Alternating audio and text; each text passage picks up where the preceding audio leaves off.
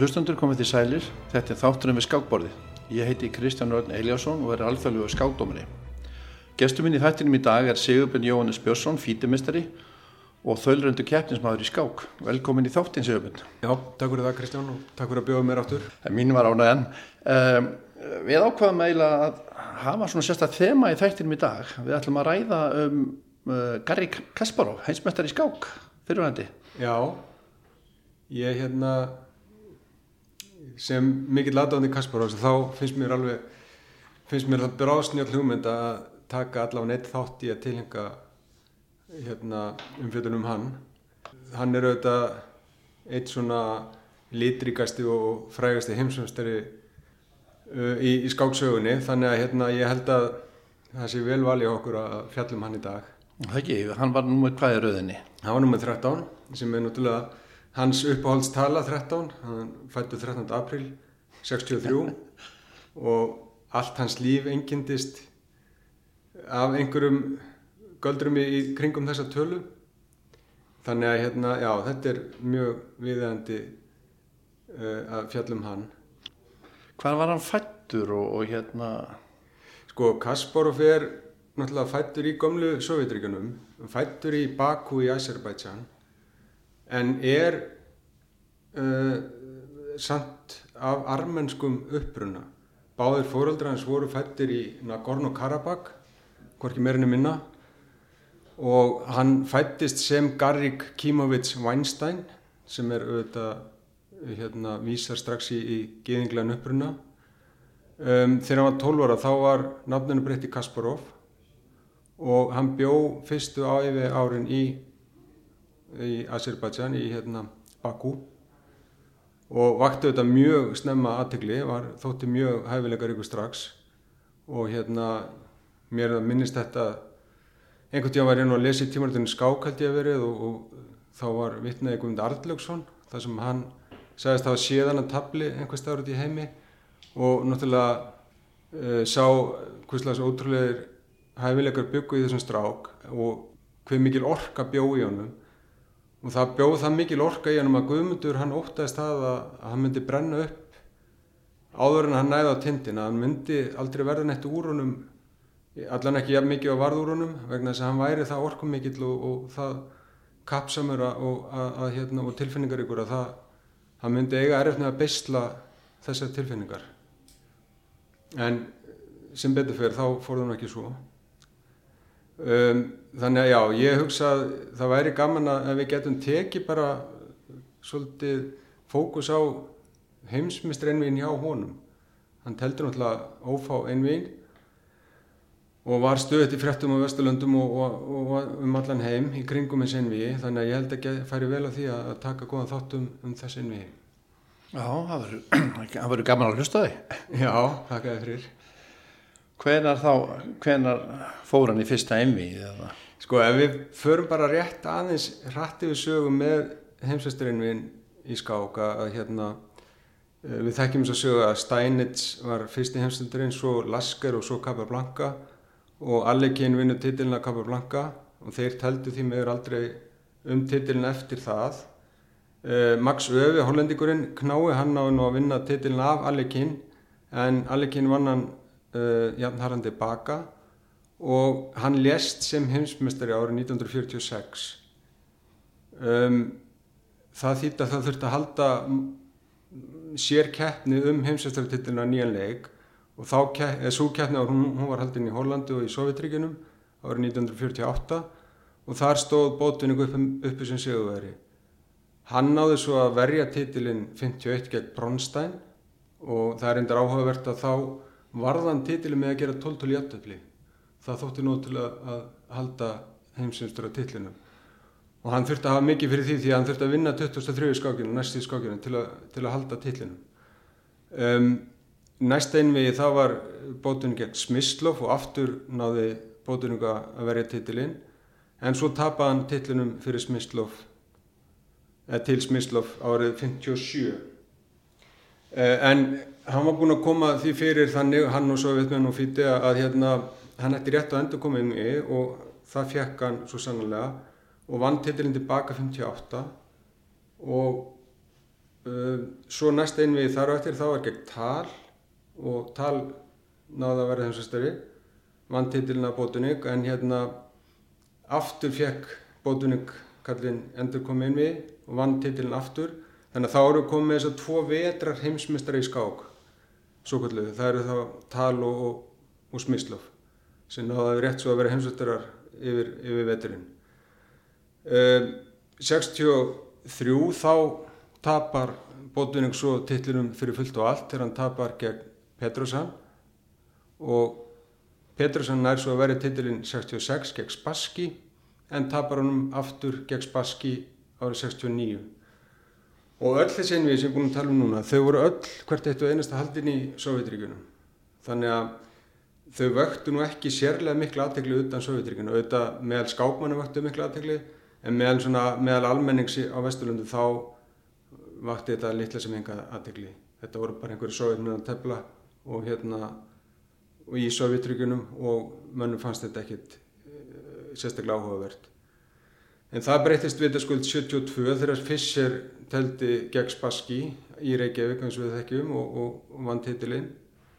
Nú svo óttis Fischer að verja titilinn 75 gegn Kostnói, nei hérna Karpov um, og þeir þeir fóru langt í að semja um einvíu og það vantæðurinn bara undirskrift frá Fischer til að ganga frá því öllu saman þá er til dæmis saman um það að, að einvið myndi ekki vera 24 skákir eins og verið hafið heldur átti einvið að vera sá sem fyrstu myndi vinna 6 skákir, hann myndi vinna einvið og uh, en svo þegar tilkom þá mætti Fischer ekki og, og náttúrulega eins og við þekkjum þá teld hann ekkert eftir að hann var heimsastri í löðarsöll fyrir en bara 92 þannig að í 20 ár þá teld hann ekki neitt og teldi enga skák sem heimsmestari Uh, en ef við höldum áfram með söguna þá hérna teflir Karpov 2-1 við, við Kostnói 1 árið 78 í Bagui og, og Philipsheim og hérna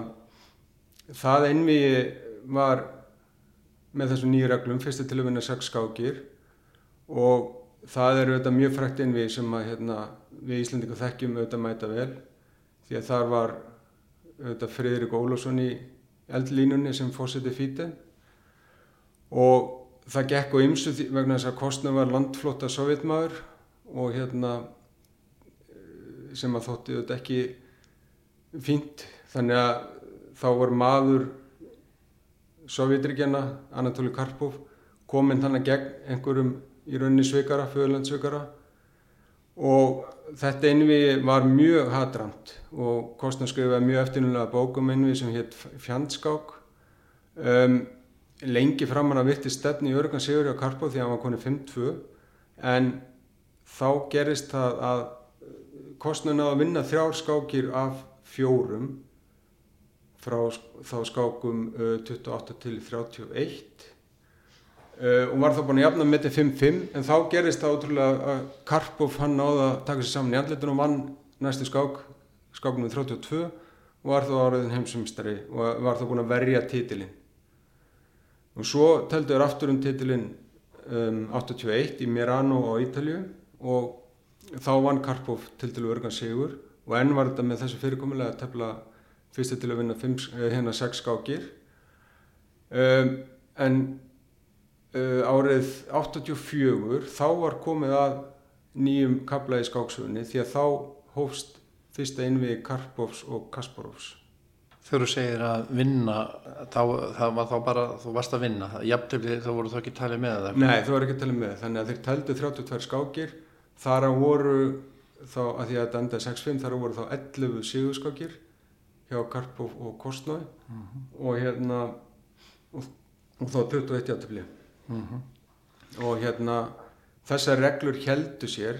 Kasparov sem sagt hann hafi unni sér rétt til að skora á Karpov í áskorðakendinni þannig á árunum áður 82-83 og það var endur ekkert þrautalöst vegna þess að hérna um, hann vann Beljavski í fyrstu aðrinu eða altså hann vann fyrst millifsæða móti Moskva ára 82 svo vann hann Beljavski í fyrsta innvínu svo áttan að teflaði kostnaði í Pasadena í Kaliforníu en yfirvöldi Sovjetríkunum vildi ekki leiðunum að ferðast til bandaríkjana þannig að í rauninni vann kostnaðu innví vegna þess að Kasparov mætti ekki en einhvern veginn sem betur fyrir fyrir skáksöguna þá samþýtti kostnaðu að tefla við Kasparov þráttur það að Kasparov ekki mætt í fyrirskiptið og þeir teldu í London og þar vann kostnaðu fyrstu skákina en Kasparov vann innví 7-4 og svo vann hann Smyslov í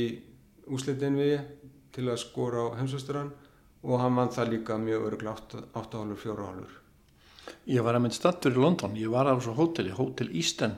Já, og var hérna, ég var þá inn á morgublaðinu en var enda bara í frí og hérna, ok, þannig að það var mjög gaman. já, Ég man alltaf móður hans eh, Kasparov, hún kom og hann gekk ekkert allt of vel en, en svo þegar mætti hún á svæðið og, hérna, og þá fór hún að ganga miklu betur. já, já, einmitt, þeirra samband var mjög náið og, og hérna, hún var í miklum háum höfð hjá Kasparov.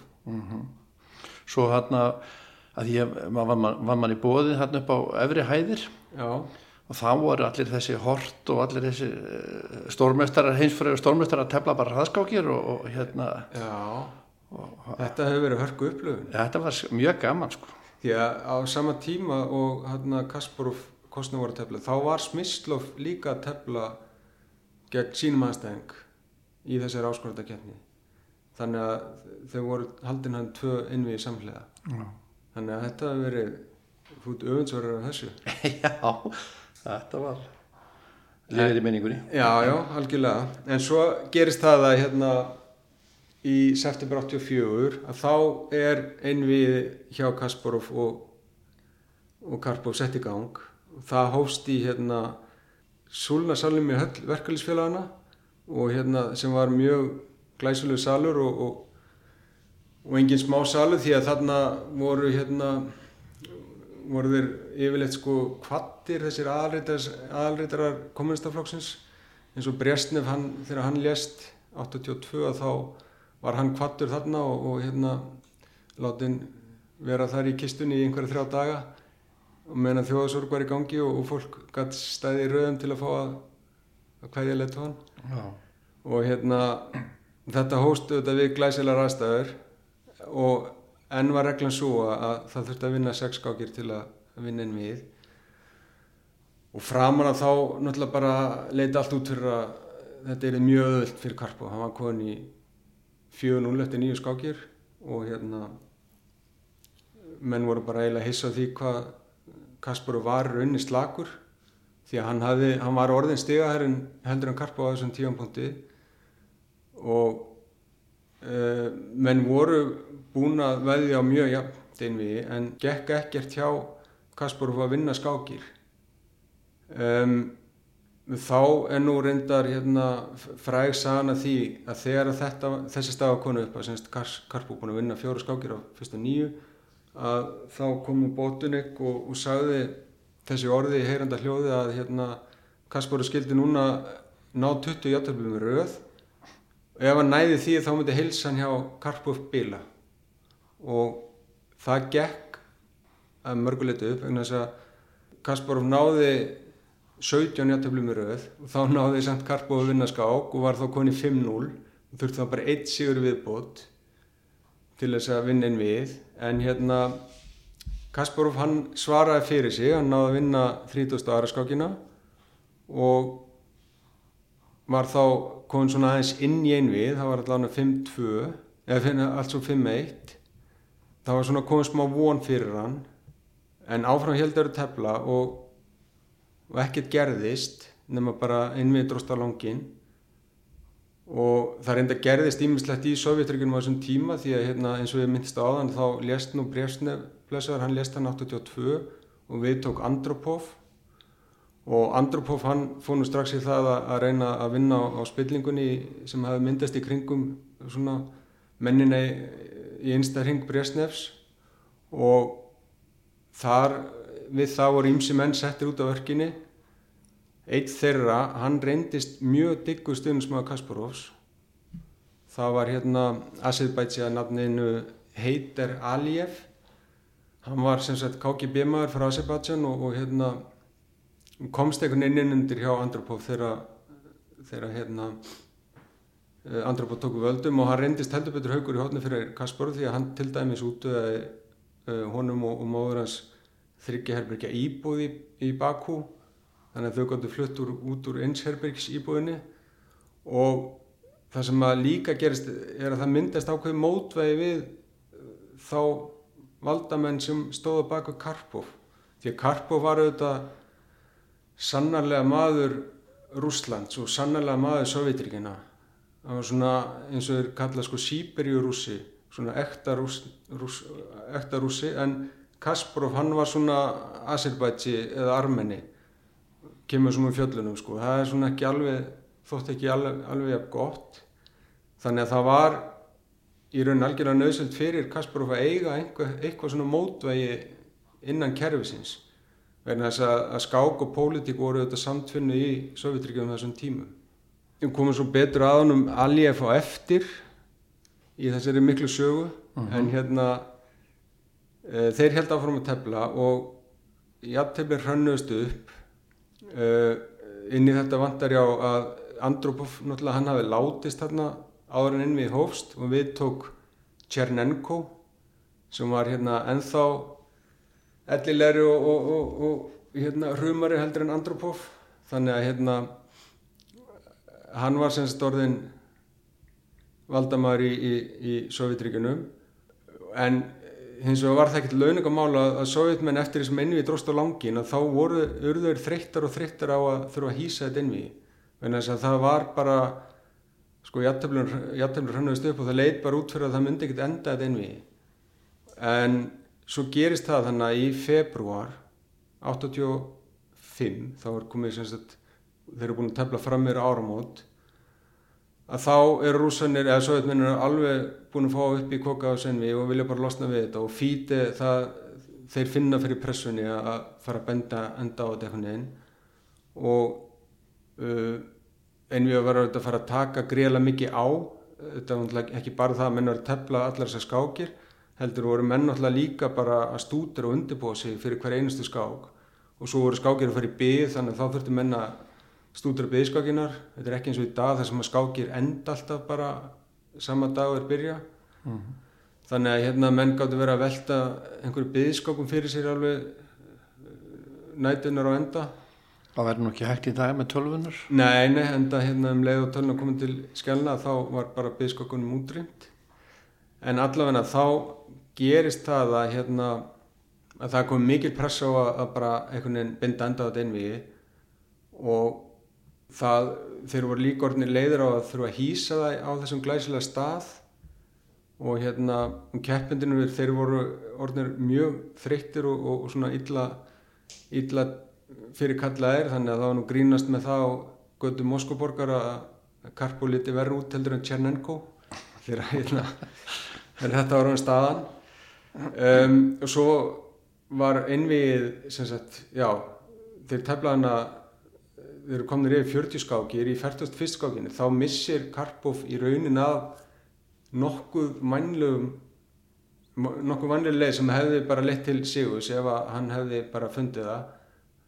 En hann misti af hérna minnignum þannig að skákinu enda í að tefli og þá er staðan sem sagt 5-1 og svo gerist það í 47. skákinni að þá vinnur Kasparov með svörtu. Og þá er staðnum 5-2 á þeim tíumbúndi þá er innvíðalóksins fært úr súlunarsalunum yfir í eitthvað sal á vegum hérna, íþjóttasambandsins í, í Rúslandi eða Sovjetríkunum sem var svona einhverja 15 km frutan miðborgina og ekki svona jafn grand eða flott. Og svo gerist það ótrúlega að Kasparov vinnur aðra skákinni rauð skáknum um 48 og þá er staðan skindilunum 5-3 en þá eru líka menn búin að fá alveg nóga þessu envi og, og hérna binda endi á það. 40 skáki þá lokið með jættefli uh, já, 40 skáki jættefli og hérna 8 sigurskákir komnar. Já. og þetta auðvitað reyndist auðvitað gríðarlega umdelt ákvörðun því að hvernig er þetta að slíta inn við það sem að annar aðalinn er búin að vinna tvær skákir rauð og í rauninu var þetta nú þannig að, að þetta var náttúrulega mjög dramatist allt saman. Í rauninu var þetta þannig sko að, að það var enn til einhver, einhvers blagamannafundar hann eitthvað starf í Moskvu og Kampo Mannisfosti Fíti hann, hann er í rauninu mætt á blagamannafundin og ætlaði að lýsa því yfir að einvið myndi halda áfram en eitthvað gerðist í bílferðun á leðinu á staðin þannig að hann lýsti því yfir að einvinu væri slitið og þessi var auðvitað mótmælt en hann gaf sér ekki með þessa ákvörðun og þannig endaði þessi blagamannafundur og Kasparov auðvitað ekki sáttu, búin að vinna tvær skákir rauð og þóttist verið að koma inn í einn við. En Karpov var auðvitað heldur ekki sáttur því að hann var auðvitað þráttur allt töfum vinningum yfir Kasparov það sem gerist næstu daga var að menn svona reyndi einhvern veginn að krukka í þessu það voru alls konar hugmyndir bæði reyndar áður en einvinn var slitið og hérna, eftir ég var slitið það var alls konar hugmyndir um það hvernig ætti að halda áfram. Einhverjar hugmyndir, það eru alvestu fyrir Kasparov voru þær að, að Karpo myndi halda einhverju tveggjafinninga forskoti í nýja innvigi það myndi náttúrulega aldrei vera sangjant en svo kom bara Salomonsdómurinn að það ætti bara að byrja nýtt innvigi 1. september árið, eða semst 85 þá, en þó sama ár. Og það eru bara 24 skakk innvigi og staðin eru bara 0-0 þessu mótmælti náttúrulega Karpov, hann er náttúrulega með tveggjafinninga fórustu en Kasparov hann hérna hann bara feldi sig við þessa niðurstöðu. Já þannig að sko, já var það Kasparov sem of, sko, það, hann náttúrulega með 5-3 Já, Karpov 5-3 yfir. Hann vantar bara eina ein, ein, ein vinniskák Já, vantar eina vinniskák en er ekki hérna er ekki sko búin að vinna skák í marga mánuði og ekki búin að vinna skák síðan held ég hvað er 30 annari skákinni. Þannig að hérna það var komnað eitthvað 16 þá er rauð þessum hann er ekki búin að vinna. Nei af, afsækja, hann er ekki búin að vinna skák síðan í 27. skákinni. Og þannig að það er þá komnað sko meir en 20 skákinn þar sem hann er ekki búin að vinna. Og Kaspar er búin að vinna þrjár af þessum hérna 21 skák. Þannig að sko auðvitað er og ég auðvitað svona ólst alltaf upp í þeirri meiningu þetta hefur verið mjög ósakett gaggart Kasparov en núna eftir að ég hef svona verið að skoða þetta nokkuð ítalega og skoða þetta nokkuð vel að þá held ég að þetta hafi nú bara verið sangjant. Já, það er þetta færa mjög flott raug fyrir því að þetta hafi bara verið besta leiðin. Svo var ekki sagt að Anatoli Karpa hefði orðið einhvað veikur eða hann var orðið einhvað... Jú, eins og ég sagði hann, var farin að líta ja, verður út hefur Tjernenko og hérna Tjernenko náttúrulega bara sko hann dó hálfum mánu eftir að er bundið að enda á innvíð ef maður rétt og, og hérna og þá tók reynda Gorbatsov við og þá náttúrulega Kasparov gerði hann þetta strax að sínum manni og, og svona maður breytingana alltaf. En hérna uh, já ef að við ef við fjöllum um hvernig hvað er sangjant í þessu þá held ég að það megi alveg segja það að, að hérna það hafi verið sangjant að bara binda enda á þetta Það var rétt ákvörðin Já, vegna þess að sko eins og ég sagði að með karp og kostnáði að þá vinnur kostnáð þennan þrjárskákir á fjórum jafna með til 5-5 og hvað gerist þá? Jú, karp og bara vinnur næst skák og vinnur inn við uh -huh. Það átti líka eftir að sína sig í þessum einvið hjá Karpo og Kasparov að eh, Kasparov er óbúslega tilfinningar ykkur og óbúslega svona kvatvís og hann var búin að vera að elda í einhverja fimm mánuði hann var búin að vera undir í fimm mánuði. Og hann kunni ekkert að, að hérna, vera alltaf um komið yfir höndina. Og það átti líka eftir að sína sig í setni innviðum þeirra að þegar að Kaspar var komið yfir höndina það sem að gerist yfir þá var að hann glataði mjög fljótt til Karpovs aftur. Þannig að þetta var sko ég held að það þeir eru held áfram tefla það er alveg 50-50 hvort hefði staðið upp í sig og veðri. Mm þannig að ég held að bara nýtt innvi var bara sanngjarnasta nýðustan ja. Sjöfjörn, við slum skella okkur í smá auðlusinga hlýja og, og koma svo áttur Já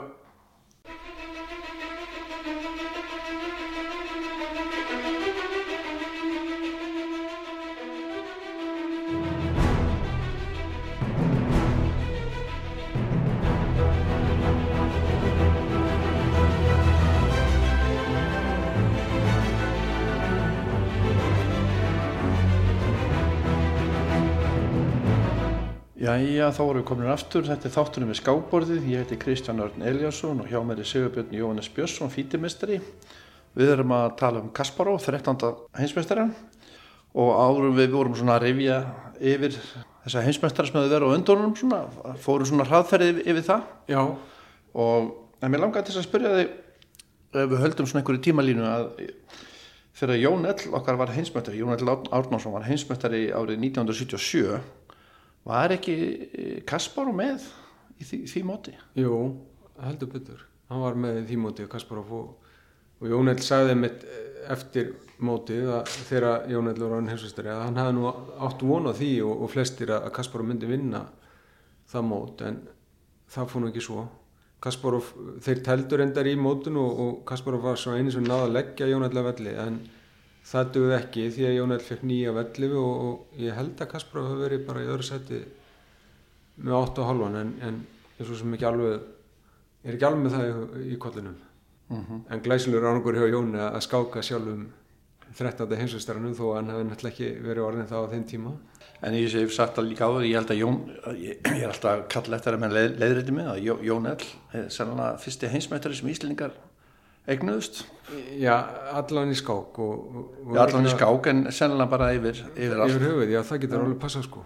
Það getur alveg passa En við, við höldum okkur við Kasparov að hann var uh, hvað var það gamall þegar hann uh, tók þátt í þessu heimsmyndarefi? Já, það er einmitt gott þú skiltir spyrja því því að þegar að fyrst einvið hefst með allir þeirri pólitík og öllum þeir, þeim hráskinarleika þá er nú bara rétt að geta þess að hann var 21 ára gamall hann er semst fættur uh, í april 63 eins og við talaðum á þann þannig að hérna það er mikið á menn lagt þegar þeir eru farnir að, tefla ekki bara um heimsveistri titilinn svona ungir heldur líka að kljást við allt kerfið. Þannig að hérna ég held að það gerir nú afreik hans ennþá meira að ná í raun að halda velli gegn Karpov verandi undir hann eins og við tölum um 4-0 eftir 9 skákir, 5-0 eftir 27 skákir og, og ná samt að, að halda velli. En já, já svo eh, við vorum einmitt að fara að byrja að tala um einvið nummið 2, það hófst í september í Moskvu árið 1985 og það var 24 skákinn við og það hófst á glæsilan hátt fyrir Kasparov því að hann vann sigur strax í fyrstu skákinni með kvítu í nýmsöðundurannum og þá var hann búin að vinna allt í unni þrjáskáki rauð gegn Karpov. Og þá var hann allt í unni koni yfir 1-0 í nýjan við. Og þá var hann líka koni í nýja stöðu. Í staðin fyrir að vera með baki upp á vegnum eins og hann hafi verið allan tíman í, í hinn innvinu þá var hann farin að leiða. Og en auðvitað sáum við og sjáum í dag hver vel hérna Karpov var vopnum búin að hann einhvern veginn um leið og hann lendir undir jú það kom hann að jættefli í annari og þriðiskakinni en svo í fjörðu og fymtu þá vinnur Karpov og þá er hann komin aftur yfir. 2-1 í, í hérna vinningum og eða sem sagt þá 3-2 og við erum eiginlega aftur konum byrjunreitt Kaspar fann að elda Karpov koni fórustu en hérna þetta einvið náttúrulega teldist áfram og þetta var mjög harfítut einvið og mögulega var þetta best telda einvið þetta og, og, og næst einvið sem var í London Leningrad sem við fjöldum um betur síðar. Mögulega voru þetta best teldu einviðin á þeim öllum. Allan að vildi bótunig meðan það þegar hann var spurður setna mér um, þegar að hérna þegar þessi stað var konum upp aftur að Kasparov lendur undir að þá komu náttúrulega nokkur jættibli í rauð þannig að hérna Kaspar næði svona áttum. En svona er hann að vinna elluftu skákina sem að hérna uh, var held, ég einhvern veginn í byrjun oktober og það er enda svolítið áhugavert mál sem kom upp sem að Karpov gerði mikið úr setna meir. Að hérna þegar að komið fram í oktober þannig 85 að þá byrtist allt í hennu grein í Der Spiegel sem er hérna þetta var á þeim tíma vestu þýst blað, dagblað og í þeirri grein var fjallað um að uh, fjallað um málaferli sem að Karpo þurft að að hérna, standa í gagvart einhverjum þýskum, vestu þýskum businessmanni sem að hérna, hafi raunni snuða Karpov um greiðslur fyrir hérna, skáktölu, þetta var semst einhvern veginn þannig að það var einhver skáktölu búin til held í Japani að Kóru og svona borðtalva eins og er voru á þessum tímum og Karpo átti að fá held í 2,5 dólar fyrir hverja tölvu sem hann seldist.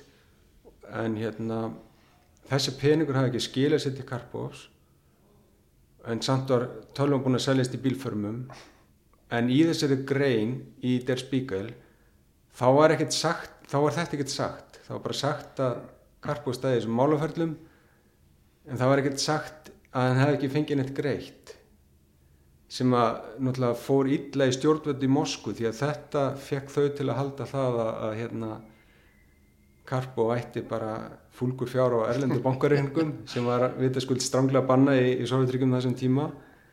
E, þannig að hann var kallar á teppi bara í miði einvi sem hefur elvist ekki verið þægileg upplöfum fyrir hann. Og það gerist þarna í þessum óttöpurmánuði að hann tapaði nú einum þremur skákum. Þannig að í staðin fyrir að leiða með einu vinning þá var hann lendur tveimur vinningum undir og Kasparov algjörlega búin að snúa einu vinni sér í vil. Uh, eins og ég sagði hann Kasparov vann 11 skákina svo komið hann að þrjú jætteflið svo vinnu Kasparov 16 skákina sem er náttúrulega einn frægasta skákin í þessum einum hjá þeim þar sem að hann teflir þar sem að kalla ég, ég, þetta var í, í Sikilaförð einhvers, einhvers konar svona ég veit ekki hvað það kallast eða uh, þetta var heldur bara kallast um Garri Gambit. Þetta er semst sikilegur pólsanabrið að Kasparov hálfpartin fórna peði snemma tafls upp á það að vinna strax tilbaka hann hafði beitt þessari byrjun eða þessi afbreiði gegn Karpov í tóltu skákinni og svo skák leistist mjög fljótt upp í aðtöfli og hann byttist ekki í fjórtanskákinni þegar hann var næst með svart heldur þá teldur bara, eða þá reynda teldi karp og bara annað aðbrið þannig að það kom ekki upp. En svo gerði hann þetta prófand aftur í sextanskákinni uh, og komst upp með það vegna þess að einhvern veginn hafði þetta verið þannig að það, það var tiltula einföld svona höfnun á þessu aðbrið sem að náttúrulega lið Karpovs fór strax í að reyna að finna og sagan segir að Geller hafi verið búin að finna höfninuna en einhvern veginn glimt að láta Karpov vita á því. Og svo þegar þeir mæta bara við borðið að þá bara veit Karpov ekki betur, veit ekki að, að það sé hægt að, að, að fá miklu betri stöðu og einhvern veginn klúrar byrjunni svolítið. Þannig að Kasparov fær mjög flotta stöðu peð undir og svo kemur þessi fræga peða fram rás þar sem hann leikur peðinu sinu fram frá G7 á G5 og hérna nær svona að uh, tryggja sér pláss og, og er á sama tíma með ryttar á D3 sem er svona eins og flegur í, í stöðu hérna kvíts þannig að þetta er held ég einn allra eftirminnlegasta skákin allan á úr sem fyrir tveimur eða fyrstu tveimur einum þeirra og með þessum sigri þá sagt, já, var þá Kaspar og Kóðan um, vinningi yfir en það sem gerist þarna í 17. skákinni þegar Kaspar nýkomin yfir aftur þá gerist það sem að gerist svo ofta hann virkaði óörugur teldi á með kvitsens í 18. skákinni teldi ekkit alveg rosalega vel en svo skák endaði reyndar með jættefli já það, það var altså 17 skákin svo 18 skákin endaði jættefli og svo vinnum Kasparov 19 skákina. Og þá var hann tveim vinningum yfir og 5 skákir eftir. Þannig að Karpo þarf þá að vinna tvær skákir til þess að verja titilinn á jöfnu um, það komið þá jættefli 20. og 21. skákinni en í þeirri 20. annari þá nær Karpo að vinna og þá er Kasparov einum vinningi yfir og tvær skákir eftir og reglan er svo að heimsvestarinn heldur tillinum á jöfnu þannig að ef að Karpov vinnur eina skák og einn fyrir jættufli þá heldur Karpov tillinum þegar að koma 23. skákinni þá var auðvitað Kasparov með, með kvít og hérna hann sagði það einmitt eftir á svo skák enda í aðtöfli hann sagði það einmitt eftir á að í þeirri skák þegar hann var með hvít þá var hann miklu óörugari, með hvað hann ætti að gera heldur en í 2004 skákinni þess að hann svona jú með hvítu áttu þetta að reyna að vinna svona helst en, en í aðtöfli alveg fínt líka sérstaklega eins og staðin er í einvinu og þetta er einhvern veginn allan miklu hugarangur en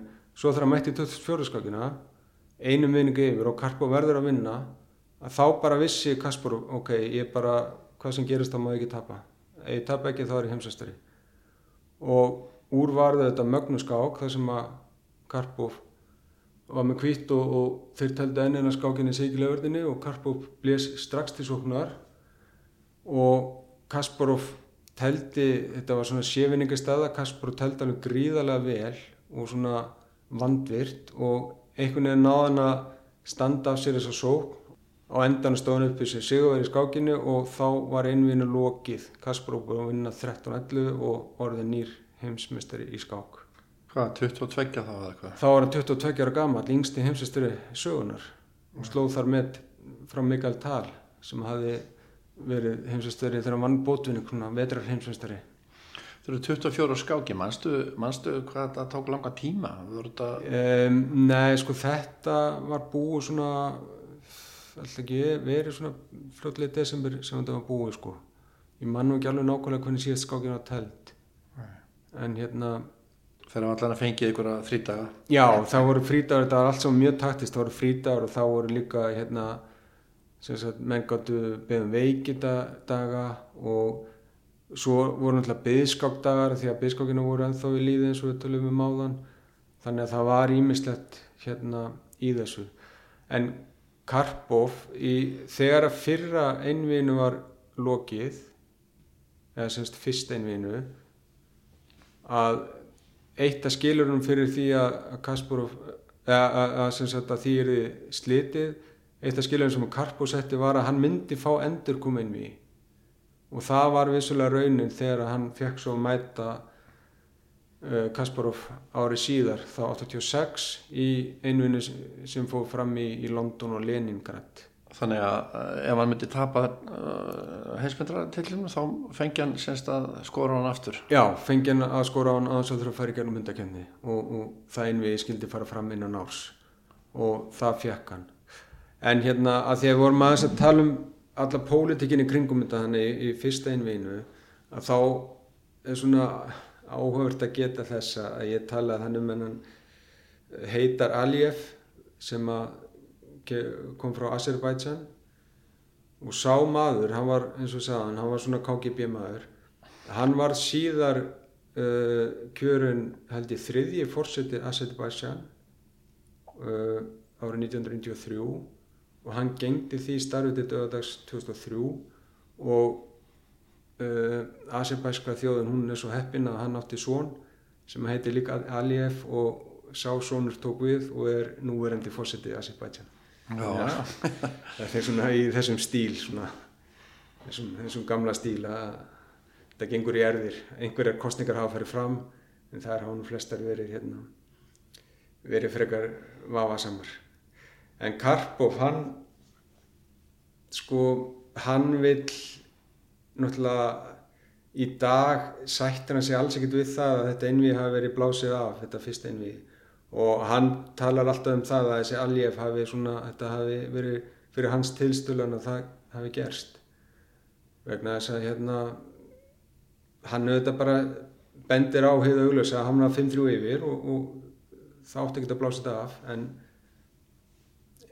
eins og ég tala einhverjum á hann þegar þú er búin að tapa tömskokk með rauð og, ert fann að líta verður út heldur en maður sem er á, á banabiðinu að, þá hérna þá er ekki mikið eftir kannski þannig að Þannig að þetta hefur svo sem verið örgulega óskup eðlilegt að hafa náttúrulega orðin veikur og slappur og, og hérna. Já, ég held að það Hvað, 48 skákir það ekki? Jú, og 5 mánu að tapna sko og, og, og bara koma út í vittlisu sko Mannu var ástöðan Í rauninni sko, það má segja það og auðvitað blasir við að yngri maðurinn Karpov er held ég einum 13 árum eldri heldur en Kasparov auðvitað er yngri maðurinn orkumeri svona þegar komið þetta langt inn í baróttuna Já, ætti að vera það menn, þess að þurfa að menna að halda sér við Já, akkurat. við rektinu og svona. Já, reyfa sig. En þá sérst, þarna 85 er hann sérst, þá verður hann heimsmeistari. Já, sem er an, annað innví í raun og veru. Já, og svo er endur sko, svo fær hann Karpov skora hann aftur innan árs og þá teflaði hann aftur 1986 já, þá teflar aftur inn í, í, London og Leningrad 1986 og hérna og svo teldu tvei viðbót 87 og 1990 og nú veit ég ekki hvernig tímin er hjá okkur sko en, en hérna en sko Já, Já, ég held að það, þau þrjú ennvi séu þau þrjú ennvi pluss það sem að gerðist eftir á það sé nú bara allt saman efni í heilan þátti viðbútt Mhm. vegna þess að hérna eh, það er svo margt sem að gerðist í þessum ennvíum og þetta er allt saman telt áður en að áður en að kaldastyrinu er lokið. Og þetta er allt saman telt líka um,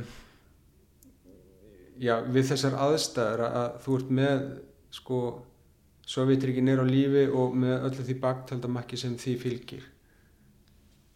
Það reyndar áhugavert við þetta að þetta þessi skákana 24 skákin í NV 85 það var síðan þessar skáki sem að þeir teldu í NV-unum í Moskvu. Þeir sem sagt höfðu telt allir hennar skákinu í Moskvu þá hvað 72 skákir en eftir þetta teldu bara eina skák í Moskvu þá var held ég í soviska mistramótinu þannig að hérna e, núna færðist loksins einvegin út fyrir Moskvu við færðist eins og sé London Leningrad svo er Sevilla á Spáni 87 og svo New York og Lyon 1990 Já. Eh, Með, Karp, eh, með Karpov er, eh, hvernig þekkjur það eitthvað? Er, er, er þetta svona kannski reynd, reynd mest á hann í þessum heimsmeistarefi? Hvað, hvað var það lengt og, og Já, sko já ég held að það sé alveg ótt segja það Karpo náttúrulega eins og sé hann var auðvitað maður kerfisins og, og hérna en Kasparov var það ekki en hins vegar var Kasparov sko þjálfari Kasparovs var auðvitað Botunik sem að hérna var fyrrum heimsvastari og þú gast og getur ekki fundið meiri sovjetmann heldur en Botunik Mikael Botunik þannig að hérna það eru sko hlutinir er aldrei svartur og hvítir í þessu. Það er nefnilega svo merkild í þessu. En hérna en Karpov auðvitað átti glæsilegan feril uh, hann var heimsastur í tíu ár og hann vann hvert mótu eftir öðru og hérna hans staða í skákheiminum er auðvitað gríðarlega sterk svona í skáksögun og ég held það megin, menn er náttúrulega alltaf að deilum það þú veist hverjir eru sterkusti heimsisturinn og allt það. En ég held að þetta sé nú bara svolítið þannig að uh, nýjasti heimsisturinn hverju sinni er svo sterkasti. Eins og með Bótvinnik sko, að þú fórst nú hans yfir söguna með þessa eldri heimsmeistara.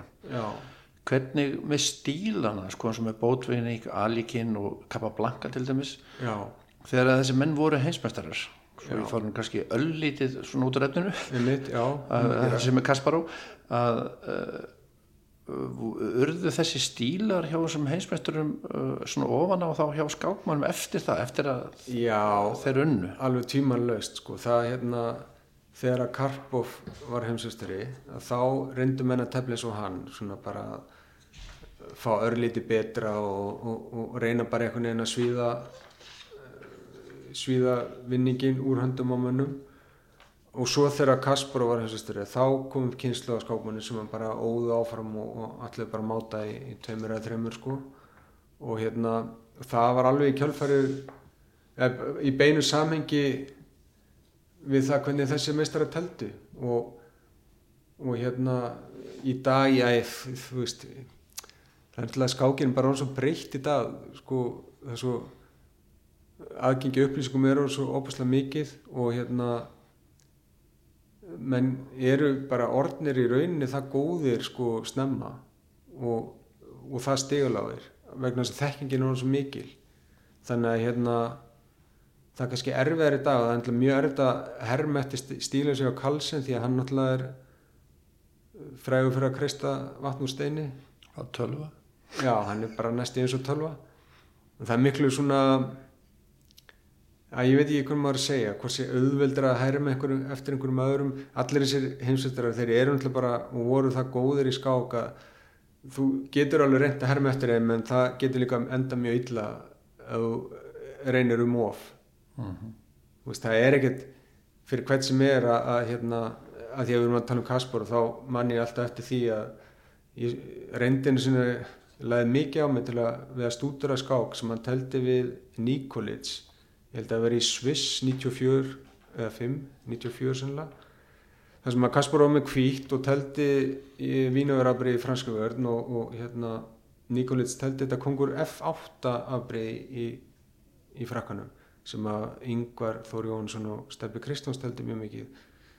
Uh, ég laði mikið á mig til að reyna að skilja þessa skák að því að Kaspar og Fortnætt tveim pefum byrjunni og, og bara algjörlega rúla hann upp og þetta var náttúrulega fyrir tíma tölvuna og mín niðurst að varunni svo að ég skildi ekki þessi skák.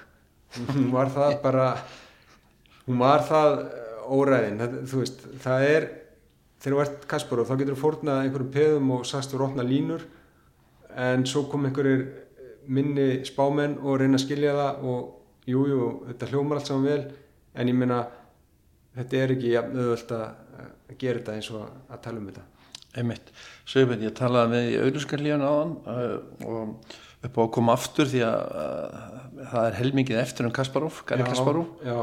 og hvað, þú kemur þá aftur uh, hvað er að fara að ræða þá? Við erum að ræða Sko þá getum við rætt um hérna næstu þrjúanum við, þá getum við farið svona þess hraðar yfir og hérna það var kannski ekki mikið pólitík í, í tengsluð þau, næstu þrjúanum við við Karpov þar segja, svo getum við þá rætt um hérna einvið hans við Short og þá aðskilnaðum frá Fíte sem að Kaspar hefur setna sagt að hafi verið hans mestu mistök uh mhm. -huh. og hérna svo einvið við Anand í Týpuraturðunum í New York og svo þegar hann tapar titlinum gegn Kramnik árið 2000 Já um, Lag, valdur eitthvað? Já, gott lag? Herri, ég valdi bara lag af plötu sem kom út bara um það leiti sem að fyrst einvið hjá þeim hófst platan heitir Unforgettable Fire og með U2 og þetta er samnænt lag Unforgettable Fire og, og það er nú við, vel við þetta nafn á lægi þegar við tölum um Gary Kasparov. Já og YouTube er upp á slómsýttin eða ekki? Já svona hún var það alltaf í gamla dag sko. Svo hérna auðvitað hlustum ára heilmikið annað en, en þeir standa nú alltaf svona standa mér nær eða standa nála tjartanum Já, erðu þættinu við skápúrið þá lokið í dag. Ég þakka gestur mínum Sigurbjörni Jóa Bjössinni fítimestara fyrir kominni þáttinn og, og fróðlult og skemmtileg spjall. Við verðum aðalega verið að ræða um Gary Kasparov. Uh, Bræðar einsniði þakka ég fyrir tæknumál og stjórnum útsendingar og hlustundum öllum fyrir hlustununa. Ég heiti Kristján Örn, Eliasson, verðið sæl og góða stundir.